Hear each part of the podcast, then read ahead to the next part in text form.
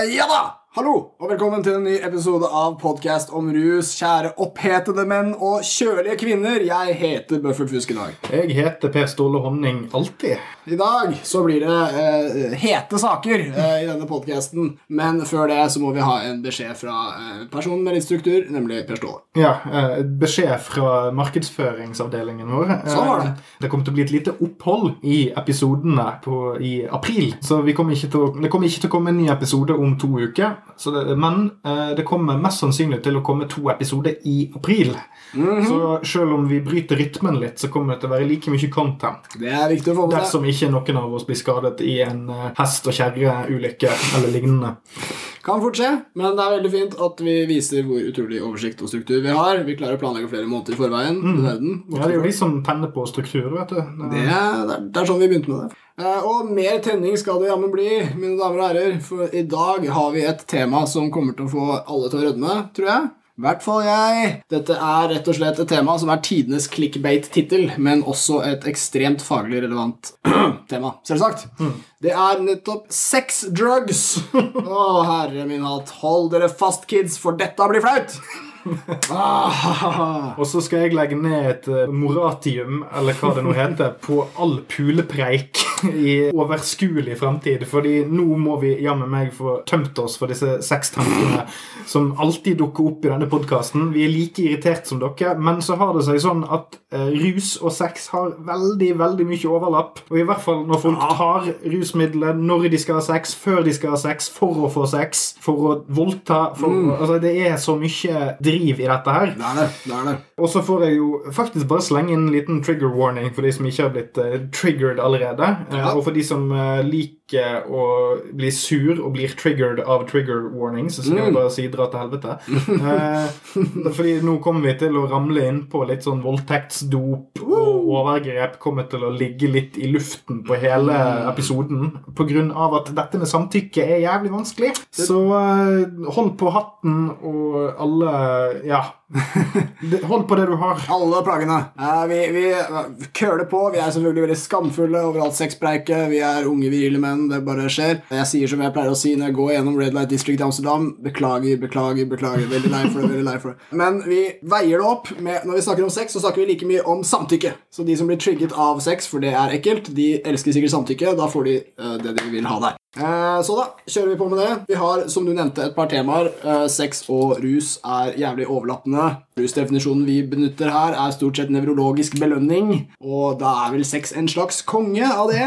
Eh, Og ikke minst noe man kan få til uten midler, eh, stort sett. Det finnes selvfølgelig sexmidler også. Vi skal innom potensmidler som også finnes. Eh, Og vi vil jo selvfølgelig ikke kimse av folk som bruker sexleketøy og sånne ting. Det har ikke vi tenkt å snakke så jævlig mye om, for det er weird. Ja, øh, Hvis du eier noen, så bør du skamme deg. Og moren din vet det.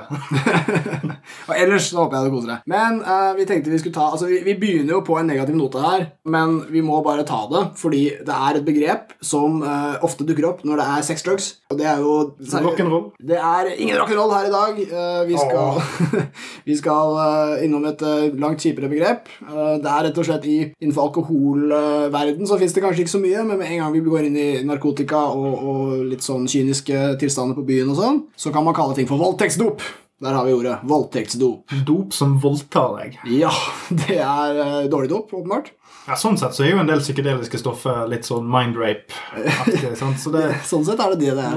eh, callback til vår uh, forrige episode med denne læreren som uh, fikk hasjkake på avslutningsfest. Ja, Det kan jo òg være en liten mindrape. det var sant? litt rapey ja, hun, hun, var, hun følte seg uvel og ekkel helt fram til hun fikk vite at det var en rus. Det gikk det greit. Men før det da ble det litt verre. Det var ganske rapey. Det er er invasjon av noens hjerne. Det er ikke til å kimse av det.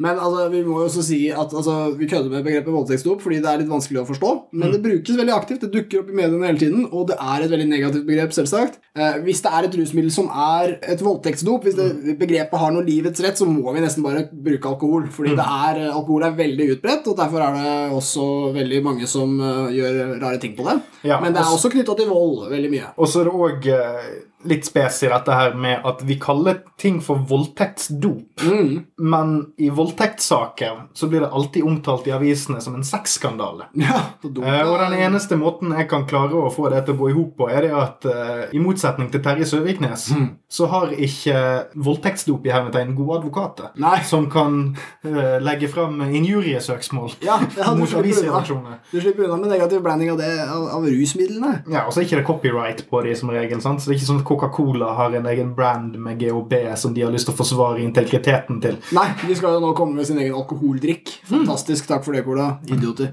De Eh, skal endelig inn på denne famøse Jack and Coke-schemen. ja, har oppdaget Jack and Coke. Gratulerer med det. Eh, men voldtektsdop er jo et komplett tullebegrep. Vi, vi trenger ikke å feste det til alkohol heller. Eh, det det gjør, er at det vitner litt om hva det er vi har lyst til å anse dop som. Eh, særlig de rusmidlene som omtales som det. Det er jo ikke alle heller. Men vi kunne på en måte kalt uh, amfetamin for arbeidsdop, og vi kunne kalt MDMA for kosedop, og vi kunne kalt uh, hasj for avslapningsdop. Men det gjør vi ikke. Vi Nei. bruker jammen bare de styggeste ordene vi har. Voldtekt, drapsdop. Men det er jo det at måten folk bruker det som et verktøy for å oppnå et mål, kan òg farge inntrykket andre folk har av de rusmidlene. Ja. Så hvis noen har begynt å bruke et stoff til å putte oppi drinkene til damer de har lyst til å lure eller voldta, så kan det gi negative konnotasjoner. Men som er så mye annet når det gjelder rus, så handler jo det da eksepsjonelt mye om da intensjonen til den som gjør noe med dopet.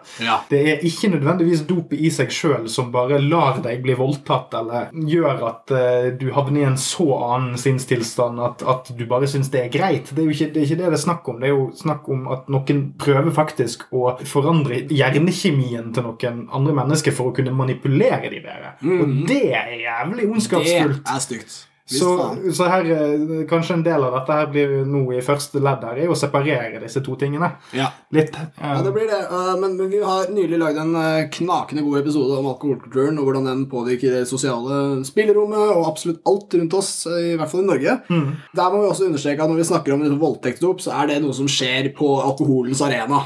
Og dette er også noe som er liksom problematisk, uh, for vi snakker jo ikke om alkohol som voldtektsdop. Greit nok. Uh, men problemet er ofte at folk er veldig fulle og allerede har lite kontroll når dette skjer, og da blir det vanskelig å si hva som har skjedd, og hva som er sant. Uh, det fins visstnok flere rapporter fra sykehus i USA og sånn der veldig mange personer kommer inn. Det er oftest damer som, som hevder at de har fått noe i seg. Ikke Med god grunn. Bra at folk drar til sykehus hvis de føler at noe ikke er så rart det er damer. Og igjen, bare å dra, folkens. Mm. Ikke tvil og ikke nøl. Men det som har vist seg i veldig mange tilfeller, og i, på flere av dem så var det 100% så var det ikke narkotika i kroppene deres. De hadde stort sett drukket veldig mye alkohol, og kanskje hadde de også fått en effekt eh, fra alkoholen som de ikke forventet. Så Mm. akkurat den kvelden ble de veldig rart fulle. Kan være mange grunner til det. Og så valgte de å kontakte medisinsk hjelp. Og det, det syns jeg de skal gjøre. Mm. Men det at folk har et litt hysterisk eh, bilde av rusmidler, bidrar nok litt negativt da, i den sammenheng. Når det er sagt, så er det tilfeller av folk som putter piller og flytende ting og pulvere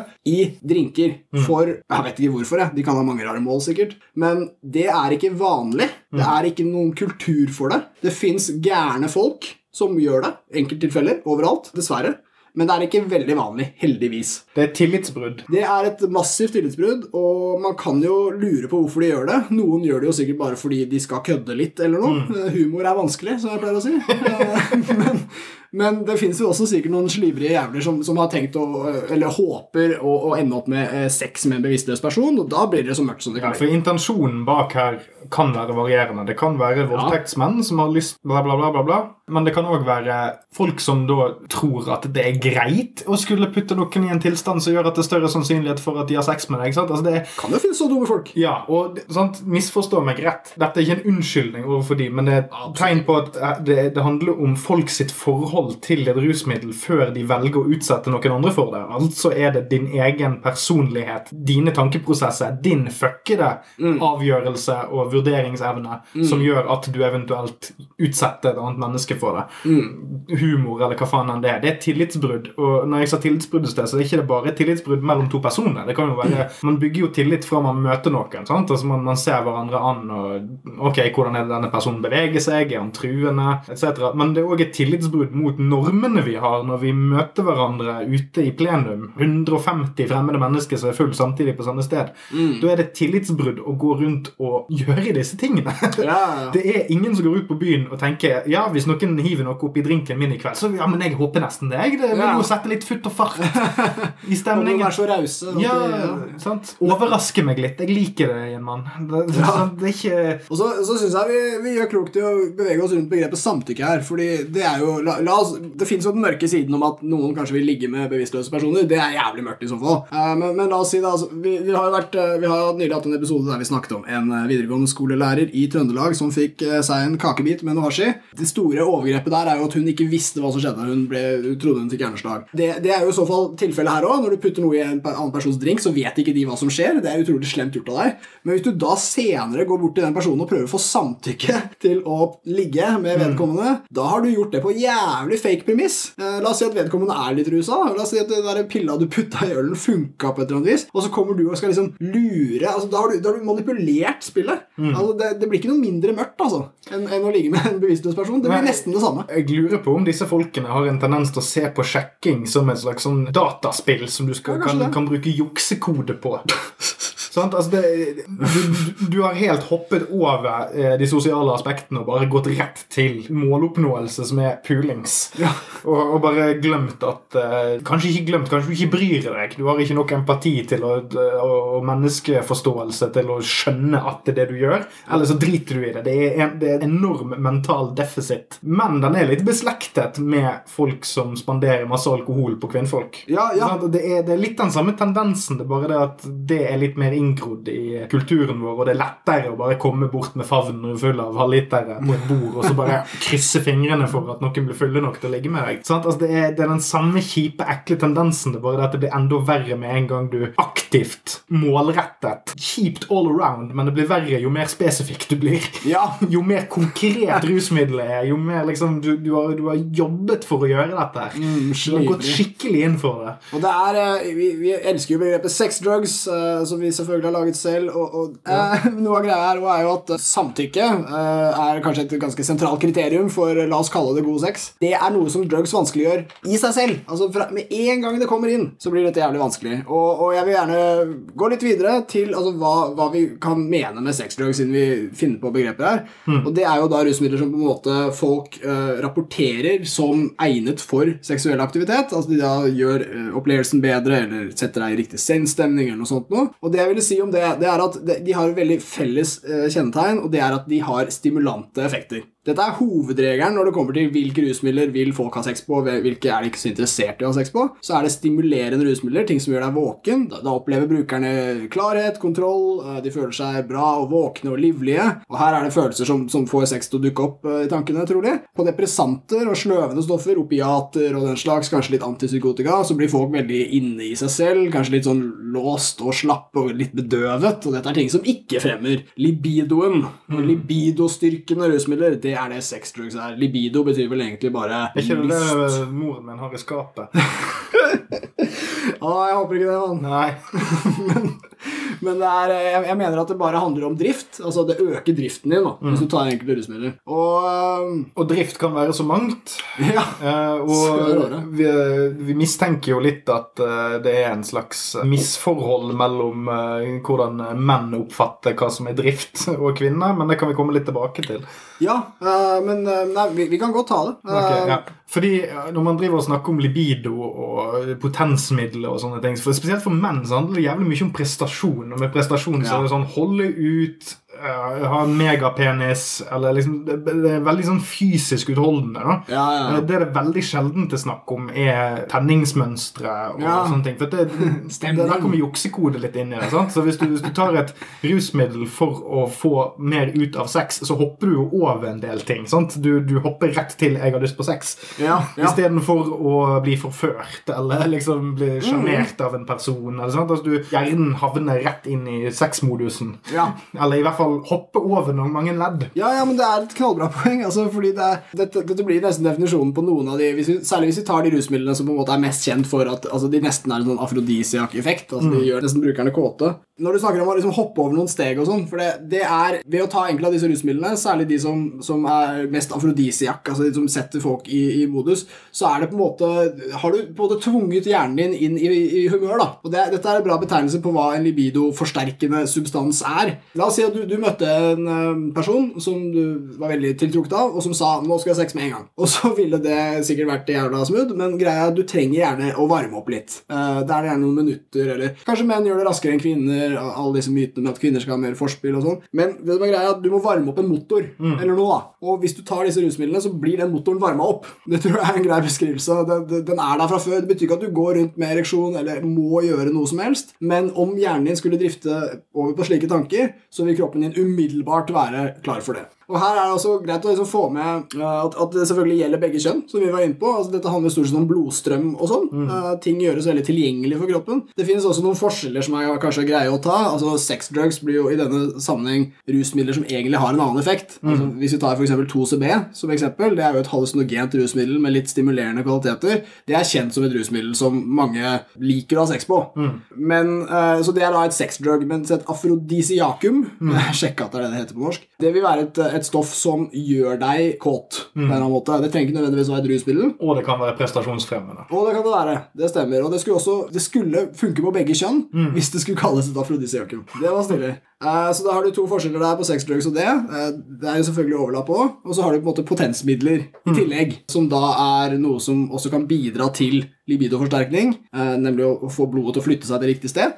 Men eh, for menn da, som har dette unike utstyret, som gjerne svikter på stimulanter Don't fail me now, buddy! Hjernen er bare sånn Ja takk! Og kroppen bare Ikke akkurat nå. Det passer litt dårlig. Eh, så da er jo da potensmidler en slags løsning. Jeg har hørt fra mange mange kilder at det er rimelig utbredt i enkelte miljøer, og da er det typ sånn MDMA og sånt noe. Der hjernen er villig, men kroppen ikke. Mm. Eh, og da er det jo selvfølgelig gutta som, som plutselig oppdager at ved enkelte potensmidler, som ofte ikke har særlig skadevirkninger, har jeg skjønt, mm. så kan man kanskje lykkes med da å ha sex på rusmidler. Det ellers ville vært umulig, tror jeg.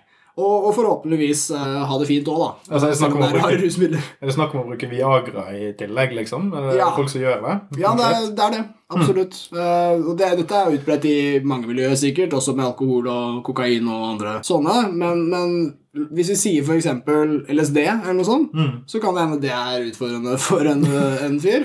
Men med potetspillere kanskje det ikke er det. Ja, Og igjen så begynner det å bevege seg mer inn på en sånn her uh, det, ting, det er ikke nok, liksom. Nei. Det er ikke nok å ligge og være fjern i en eventyrskog med enhjørninger. Du må faen meg pule òg. ja, det er det hele tida. Jævla pulespøkelse, altså. Du kommer ikke unna.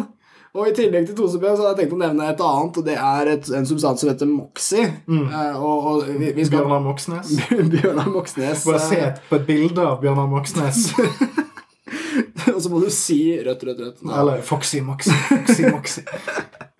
Det er uh, et tryptamin oppkalt etter Bjørnar Moxnes som også gjør brukerne Dette har litt sånn afrodisiask effekt, har jeg hørt. Det har vært sånne historier om at eh, det blir litt mye for folk. At de får lyst til å gå på do og gjøre den private tingen uh, før festen fortsetter og sånn. Det høres litt mye ut, kanskje. Ja, Trenger vi virkelig rusmidler som får deg til å runke på offentlig sted? Rusmidler som får vennene dine til å rømme fra deg fordi de må gå og runke? Altså, nei, nei, nei. Det er ikke bra. Uh, men selvfølgelig er det ikke alle som har den effekten. Det som er verdt å nevne om Moxie, altså bortsett fra molekylnavnet Dette er 5-meo-MIPT, MIPT. Og det er et uh, tryptamin, som sagt. Det betyr at du blir veldig trippa av det.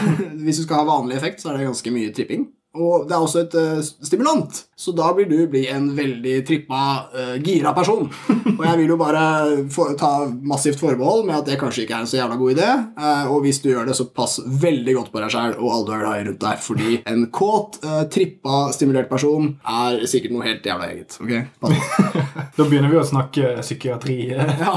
Behold vennene deres, folkens. fint å eksperimentere, men Jesus Christ. Så ja. Som, som, vi har vært inne på et par ganger nå, så er det den her Det snedige med måten man snakker om sex på, og rusmidler, det er det at mm. det er Og, og gjerne òg eh, Jeg var inne på det litt i sted, vi kan gå litt nærmere inn på det. Den her, jeg tror spesielt mannfolk har et rart forhold til hva de tror er det å tenne på et rusmiddel, eller det å, det å skulle pule. Altså Det er den her tanken om at så lenge jeg bare har lyst Ja. så er det verdt noe i seg sjøl. Ja. At dette er en tanke som er verdt å forfølge, eller altså, at det ikke er en slags sammenheng mellom omgivelsene dine og lystene dine. Eh, og det tror jeg forsvinner for en del menn i disse tilfellene her. Jeg vet ikke helt hvorfor, men jeg bare, det er bare en sånn feel jeg får hver gang jeg hører folk snakke om dette. Det er det at, at det er sånn Ja, så blir du jævlig kåt, og så bare puler du på, og så er det sånn Ja, men hva Uten Uten refleksjon? Altså, hva er, Bare puler du formålsløst når du er Ja, det virker nesten sånn. Ja, det- jeg er bare fascinert. Det, det, det, for en gangs skyld så er jeg litt sånn baffled av hva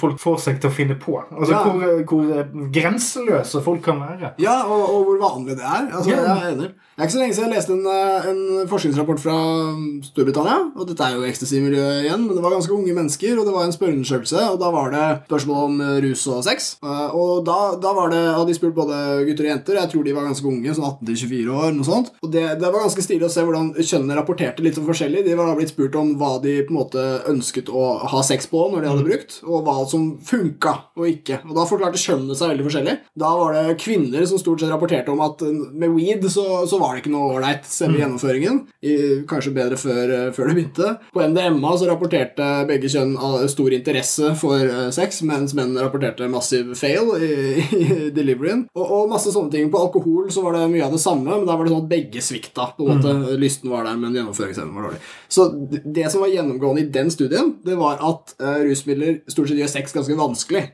altså at de, de fleste av menneskene i denne studien ville trolig prestert bedre som avholdsfolk. Ja, for det, rent praktisk så involverer jo sex en del håndøyekoordinasjon. Ja, det er Altså, jo en det- prestasjon på et vis. Ja, altså det, i, I hvert fall bør du ha god rytme. ja, det er sånne ting. og det er rusa folk er jo ikke det. Ja, og, og balanse kan være greit å ha. Ja, Det ja, ja. ryker fort ut av vinduet på Det blir fort en kløne. Ja. det blir fort, fort eh, klovneskole på eh, soverommet. Det er ikke det hotteste. Eh, også et rusmiddel jeg nesten må slenge på siden jeg tok de to andre. Altså, dette er ikke et klassisk sexdrug. Det, det kan godt være det òg. Men vi var innom voldtektsdop, og, og det er jo egentlig ganske få rusmidler som har blitt kalt det. Jeg vet at benzodiazepiner, typ sånne angstdempende piller, Rohypnol og sånn, har også vært brukt uh, visstnok til å putte i drinker. Men det er et rusmiddel som oftest kalles for voldtektsdopet, og det er GHB. Jeg hadde litt lyst til å nevne det òg. Vi kan godt ha det med på sexdrugs-lista, fordi folk liker å ha sex på GHB. Det er ikke nødvendigvis eh, voldtekter alt sammen, si. GHB er også et, et rusmiddel som har et utrolig stort imageproblem, og som absolutt eh, alle har lyst til å holde seg unna. Ja, men eh, GHB er vel også spesielt Altså De farlige sidene ved det er vel gjerne knyttet til alkoholkombinasjonen òg. Ja, og her, her, her må vi understreke at GHB i seg selv er ikke så ille. Sorry, ass. Nei, men eh, i de situasjonene så vil du jo altså det, Du vil vel bli ekstra sløv av både GHB og alkohol. Det er sant. Så dette med rett og slett døddrukne kvinnfolk og Mm. en overgrepsmann, så kan det være en god kombo for en overgrepsmann å bruke. Altså Ja. det, det at man ikke kan motsette seg like enkelt. Ja, og det er et annet aspekt som er viktig, og det er at GHB ofte Ikke at det er enkelt i det hele tatt. altså. Men GHB kommer som oftest i flytende form, eh, noe som gjør det veldig lett å putte i en annen drink. Altså Hvis du har en pille, så kan den bli synlig, kan sette farge. GHB er blankt og kan helles oppi. Ja. Eh, Det har visst en litt sånn syrlig smak, men ikke så veldig mye smak. Alkohol smaker mye, ikke sant? så det kan forkles. En sur-IPA. Ja, ikke sant? Så dette blir fort en litt sånn snikende måte å gjøre det på. Ja, Som igjen eh, bringer det estetiske inn i eh, hva virkemidler fæle folk bruker for å utnytte andre. Ja. Sant? Altså, denne effekten i seg sjøl kanskje ikke den mest optimale, men kombinert med at du kan forkle det i drinker og du kan snike det fram uten at noen legger merke til det. Ah, perfekt! Men jeg vil, jeg vil understreke, og, og nå blir dette noe som aldri sikkert skjer, det blir en liten forsvarstale for GHB. Altså, Problemet til GHB er at alkohol allerede eier verden rusmessig. Mm. For alkohol og GHB bør ikke kombineres, og det kan ikke understrekes nok. Det er noe som Alkohol gjør GHB farlig. Mens GHB har i seg selv en ganske lik effekt som alkohol. Det har en mindre toksisk reaksjon på kroppen. Det varer ganske kort. Du kan få en rus på GHB som varer en time, halvannen, så det er ekstremt fleksibelt. Det kan være mindre hangover, det kan være mer eufori, og det kan være vanskelig å dosere det. Men det er stort sett fordi det er forbudt, og kommer i blanke flasker uten instruksjoner. I min forsvarstale for GHB skal jeg si noe som veldig få vet, og det er at i Norge så går det an å få GHB på resept. Det fins mennesker som spiser dette hver eneste dag. Det er folk som har narkolepsi, og de spiser dette for å få søvn. De sliter ofte med å få store bolker med søvn, og hvis du tar mye GHB før du legger deg, så overdoser du, og da sovner du. Og Da sover du typ sånn fire timer, og så står de opp, og så gjør de det en gang til. Og Da får de alt fra seks til åtte timer søvn på en kveld. Dette er en medisin som har ekstremt lav dødelighet. GHB på det svarte markedet har høyere, men dette beviser at rusmiddelet i seg selv er det ikke noe som veldig noe gærent med. Det går an å bruke det medisinsk med stor suksess, men når vi slipper det løs ute på gata, så kan det fort bli kaos. Så ja, la oss bare få med det. GHB har andre brukere òg, selv om drittsekker bruker det til kjipe ting. Og GHB står ikke for Great Heimbrent. Eller Gro Harlem Brundtland. Nei. Ikke da at noen ville blitt lurt til å svelle unna litt Gro Harlem Brundtland for å komme i god stemning. Det står for gamma hydrobeksorat. Yeah. Ja da, skal jeg love deg. Men vi skal tilbake til samtykke her, altså, fordi Vel, ja, la oss ta det, da. Ikke sant? La oss si at uh, GHB er som jeg sier, da. Det, har, uh, det er en slags alternativ til alkohol. Men hvor faen skal du gjøre det? La oss si at du har en eller annen kompis som bare Vi var, har vært inne på det i den andre episoden med hvor sentralt alkohol er for sosiale ritualer. Men så kommer kompisen din og sier nei, dropp alkoholen nå, jeg tar GHB i stedet. jeg». og så står han der med GHB-drinken sin og slurper. Hvor gæren er ikke han? Ja, det, det blir litt eh, Han er verre enn avholdsmannen. Fascinerende. Ja, altså, så er det sånn Hvor absurde drinker med paraply eh, kan ha som er alkoholfrie før det blir verre enn å stå med GHB i et lite reagensrør og nippe på fest. Det er, it's a long way to go, tror jeg. Ja, jeg, jeg vil altså, Hvis det er tid for det, så, så har jeg lyst til å drøfte litt også. Fordi eh, Vi har vært inne på dette med voldtektsdop, og greit, det begrepet var piss, og disse rusmidlene fortjener sikkert mer forståelse enn det. Men vi har eh, samtidig, som nevnt, scenarioer vi vet om der folk har fått et eller annet oppi drinken. Så noen folk de gjør det. De er åpenbart kyniske mennesker. Det er åpenbart en etisk eh, helt på jordet ting å drive og putte stoffer i folk, uansett hvilken mål du måtte ha. Men vi må også innom gråsoner, eh, for det er jo en del folk der ute som bruker rus for å lokke til seg sex. Sex og rus sin uh, Kashmir-provins. Ja, og her blir det en Den eh, demilitariserte sonen. Her kan det bli utfordrende rett og slett å, å definere det, men vi gir det et forsøk. Fordi hvis du drar dette langt nok, så kan vi jo si at alle bytter et eller annet mot sex. Og vi kjenner alle dette ekle argumentet om prostitusjon fra veldig liberale mennesker, om at når du kjøper kino og mat til en dame, så har du på en måte betalt for den sexen du kanskje måtte få. Gene Simmons-forsvaret. Horrible! Med en viss meget kynisk logikk i seg, selvsagt. Det jeg ville snakke om, er, det er eh, Jo mer gjennomtenkt et sånt prosjekt er, jo mer kynisk blir det. Jo eklere blir det. Et, et spontant møte mellom to mennesker som har spontant uh, seksuell utfoldelse, det er bare vakkert. Det, det mener jeg 100% Men med en gang Kanskje ikke å se på, men i teorien. Nei, jeg vil gjerne ikke se på. Det meste av sex er bare stygg. Eh, men, men når det kommer, hvis en av disse to menneskene har en slags plan om den andre, og kanskje masse rutine der den andre ikke har det, så begynner maktforskjellen å bli litt stygg. Ja, player-syndromet. Ja, og vi, vi vet jo at eh, damer også kan være playere, men hovedvekten her er at litt eldre menn har masse rutine og bruker denne til å liksom lure unge damer. Det blir liksom den stereotypiske, og kanskje vanligste. Det var i hvert fall sånn da vi var unge. Ja, og vi kan jo bare anta at det ikke har gitt seg helt. Men her er liksom den, den scenarioet som jeg ville vise fram, da. Og, og det er Jeg vet om en fyr som bor i utlandet. Han har en romkamerat. Denne romkameraten er en DJ, en utelivsfyr. Han har lang erfaring med MDMA og ikke minst kvinner. Veldig ofte møter han unge kvinner og tar de med hjem til sin leilighet og henger med de og er venner med de, og ofte får disse damene MDMA av han. Mange av dem har kanskje ikke prøvd det før. Og veldig ofte ender de opp med å ligge med han, og så drar de ofte hjem og ser andre ikke igjen. Det er ikke nødvendigvis noe galt som har skjedd. Begge har trolig samtykket, begge har trolig fått noe de ønsket seg, og ingen har blitt et offer nødvendigvis. Kanskje det er noe skam, kanskje det er noe anger, men øh, han er ikke en voldtektsmann. Men det som er interessant, da Nå drar vi inn noen aspekter her. Han har erfaring med MDMA. Yay! Hva skjer når man tar MDMA? Folk som tar det, de får ofte litt mer tillit til folk rundt seg enn de vanligvis har. Sneaky. Det gjør det ekkelt. Lite grann. Uh, en- en annen ting jeg ville nevne, er at folk som uh, tar MDMA de første gangene, så har det mest effekt. De første gangene man tar det. Så hvis du er en, la oss si en ung kvinne i dette tilfellet, som har lite erfaring, så vil, vil effekten slå veldig sterkt ut. Ja. Så det vil være vanskelig for henne å la oss si, forsvare seg. Ja, og og du hun trenger ikke engang å måtte tenke og skulle forsvare seg engang. Men som du nevnte, dette er en, en samtykkekompetansesak. Ja, det er det. Som av at uh, vi lever i en forbudskultur, så blir ikke dette snakket så mye om. Men vi ser jo, som jeg sa tidligere, det er, det er en forskjell på om du kommer med,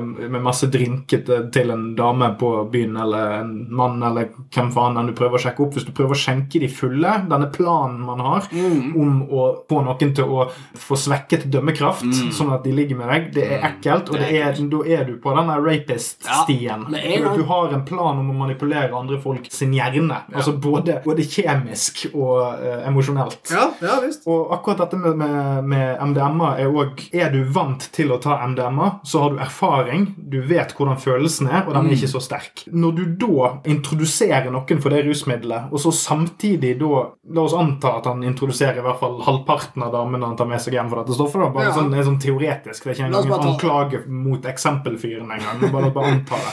Men som halvparten av de damene aldri har tatt MDMA før de treffer denne personen, så kan du ikke konkludere med at de ville gjort det den andre gangen. de tar MDMA. Du sitter da som en guide i en ny russituasjon. Yes, det. Når det gjelder psykedelika, for eksempel, så er det veldig vanlig eh, første gangen noen eh, prøver et rusmiddel. Sant? Så gjør man det gjerne med en person som er erfaren i samme rom. Gjerne så er den personen som er erfaren, ikke ruset engang. Litt men sånn er tripsitter, ja. Ja, sånn, du- er ankeret til noen. Ja. Og i en situasjon der du gir noen en veldig kraftig emosjonell boost, som òg òg påvirker den seksuelle delen av hjernen din og gjør at du får en enorm tiltrekning til Altså ikke nødvendigvis seksuell tiltrekning engang, men bare at du tiltrekkes mot andre mennesker og syns de er interessante. Ja. Når du da er liksom ankeret, og så har sex med Mm. Det kommer et ansvar, er det ikke? det er et ansvar der. Og uh, with great power comes great responsibility, som Mm. en uh, onkel en gang sa til en ung mann Ja visst. Som sto overfor noen uh, tunge valg i livet. Tøffe tak. Mm. Men jeg, jeg syns det er eh, veldig bra, det du sier. Jeg, jeg synes det er et interessant altså, Det var derfor jeg ville dele dette. Fordi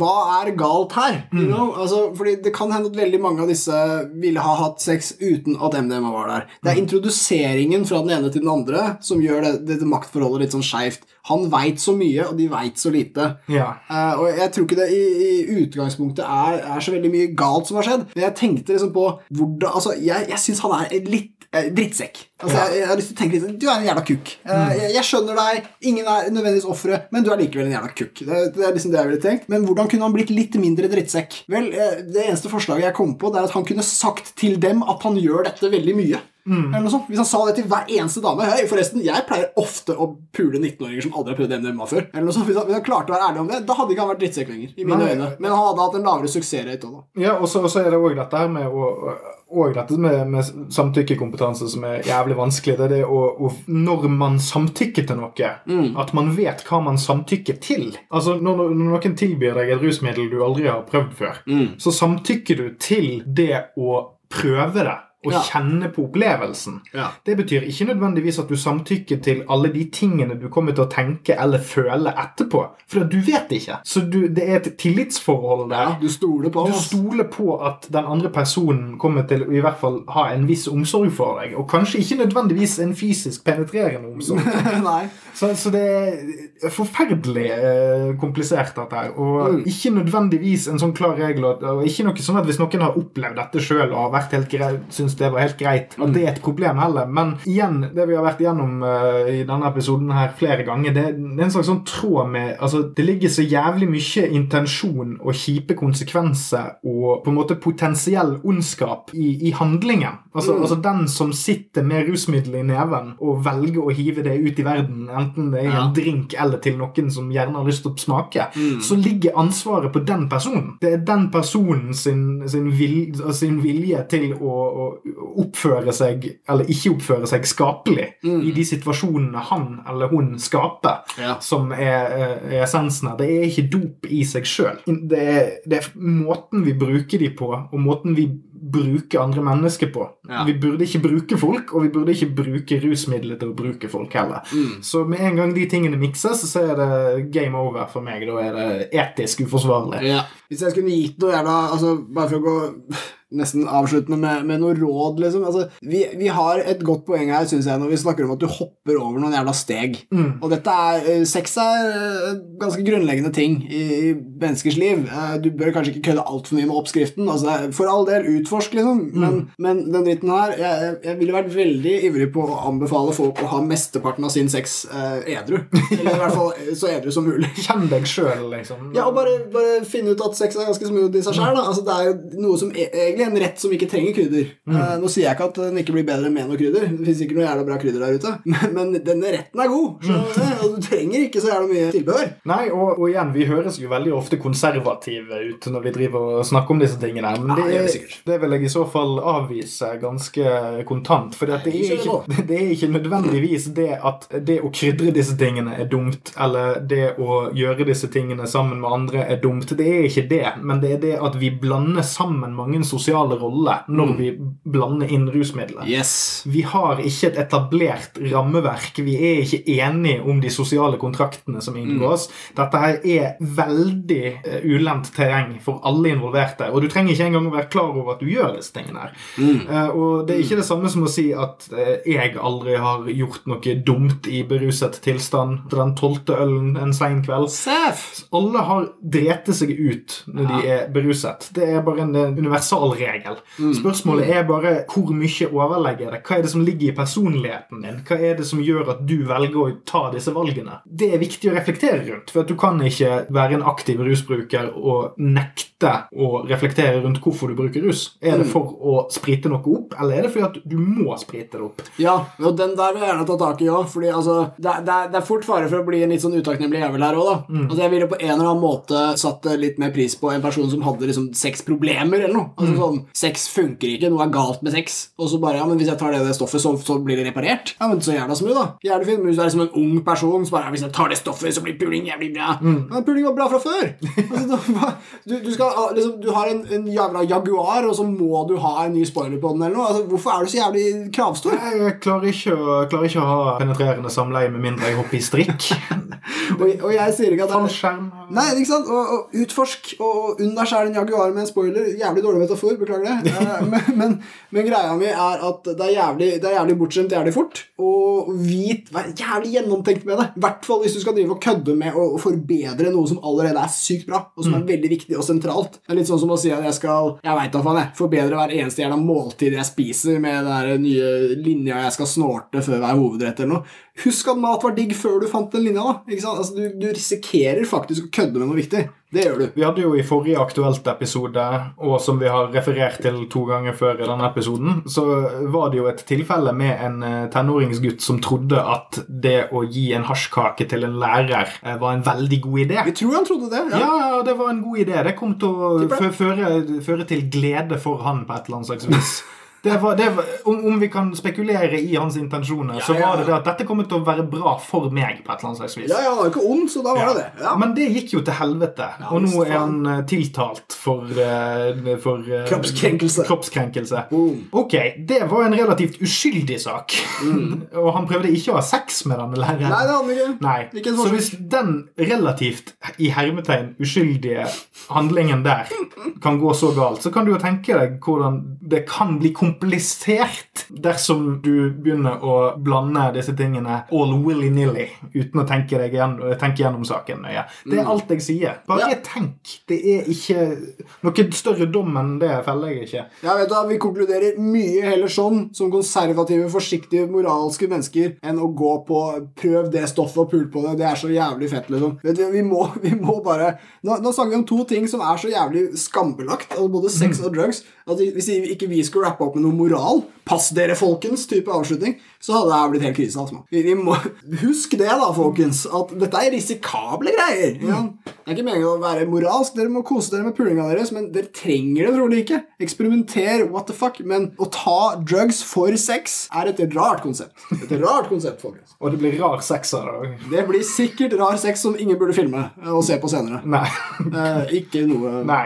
Noe plan. I hvert fall ikke film dette. Du har jo retten eh, videobevis for uh, date-rapen. Veldig dum idé. Prøv, prøv å ikke huske det i det hele tatt. faktisk. Prøv å glemme det. Ja. Med det var suksess, da. Husk de gode minnene, kjære lytter.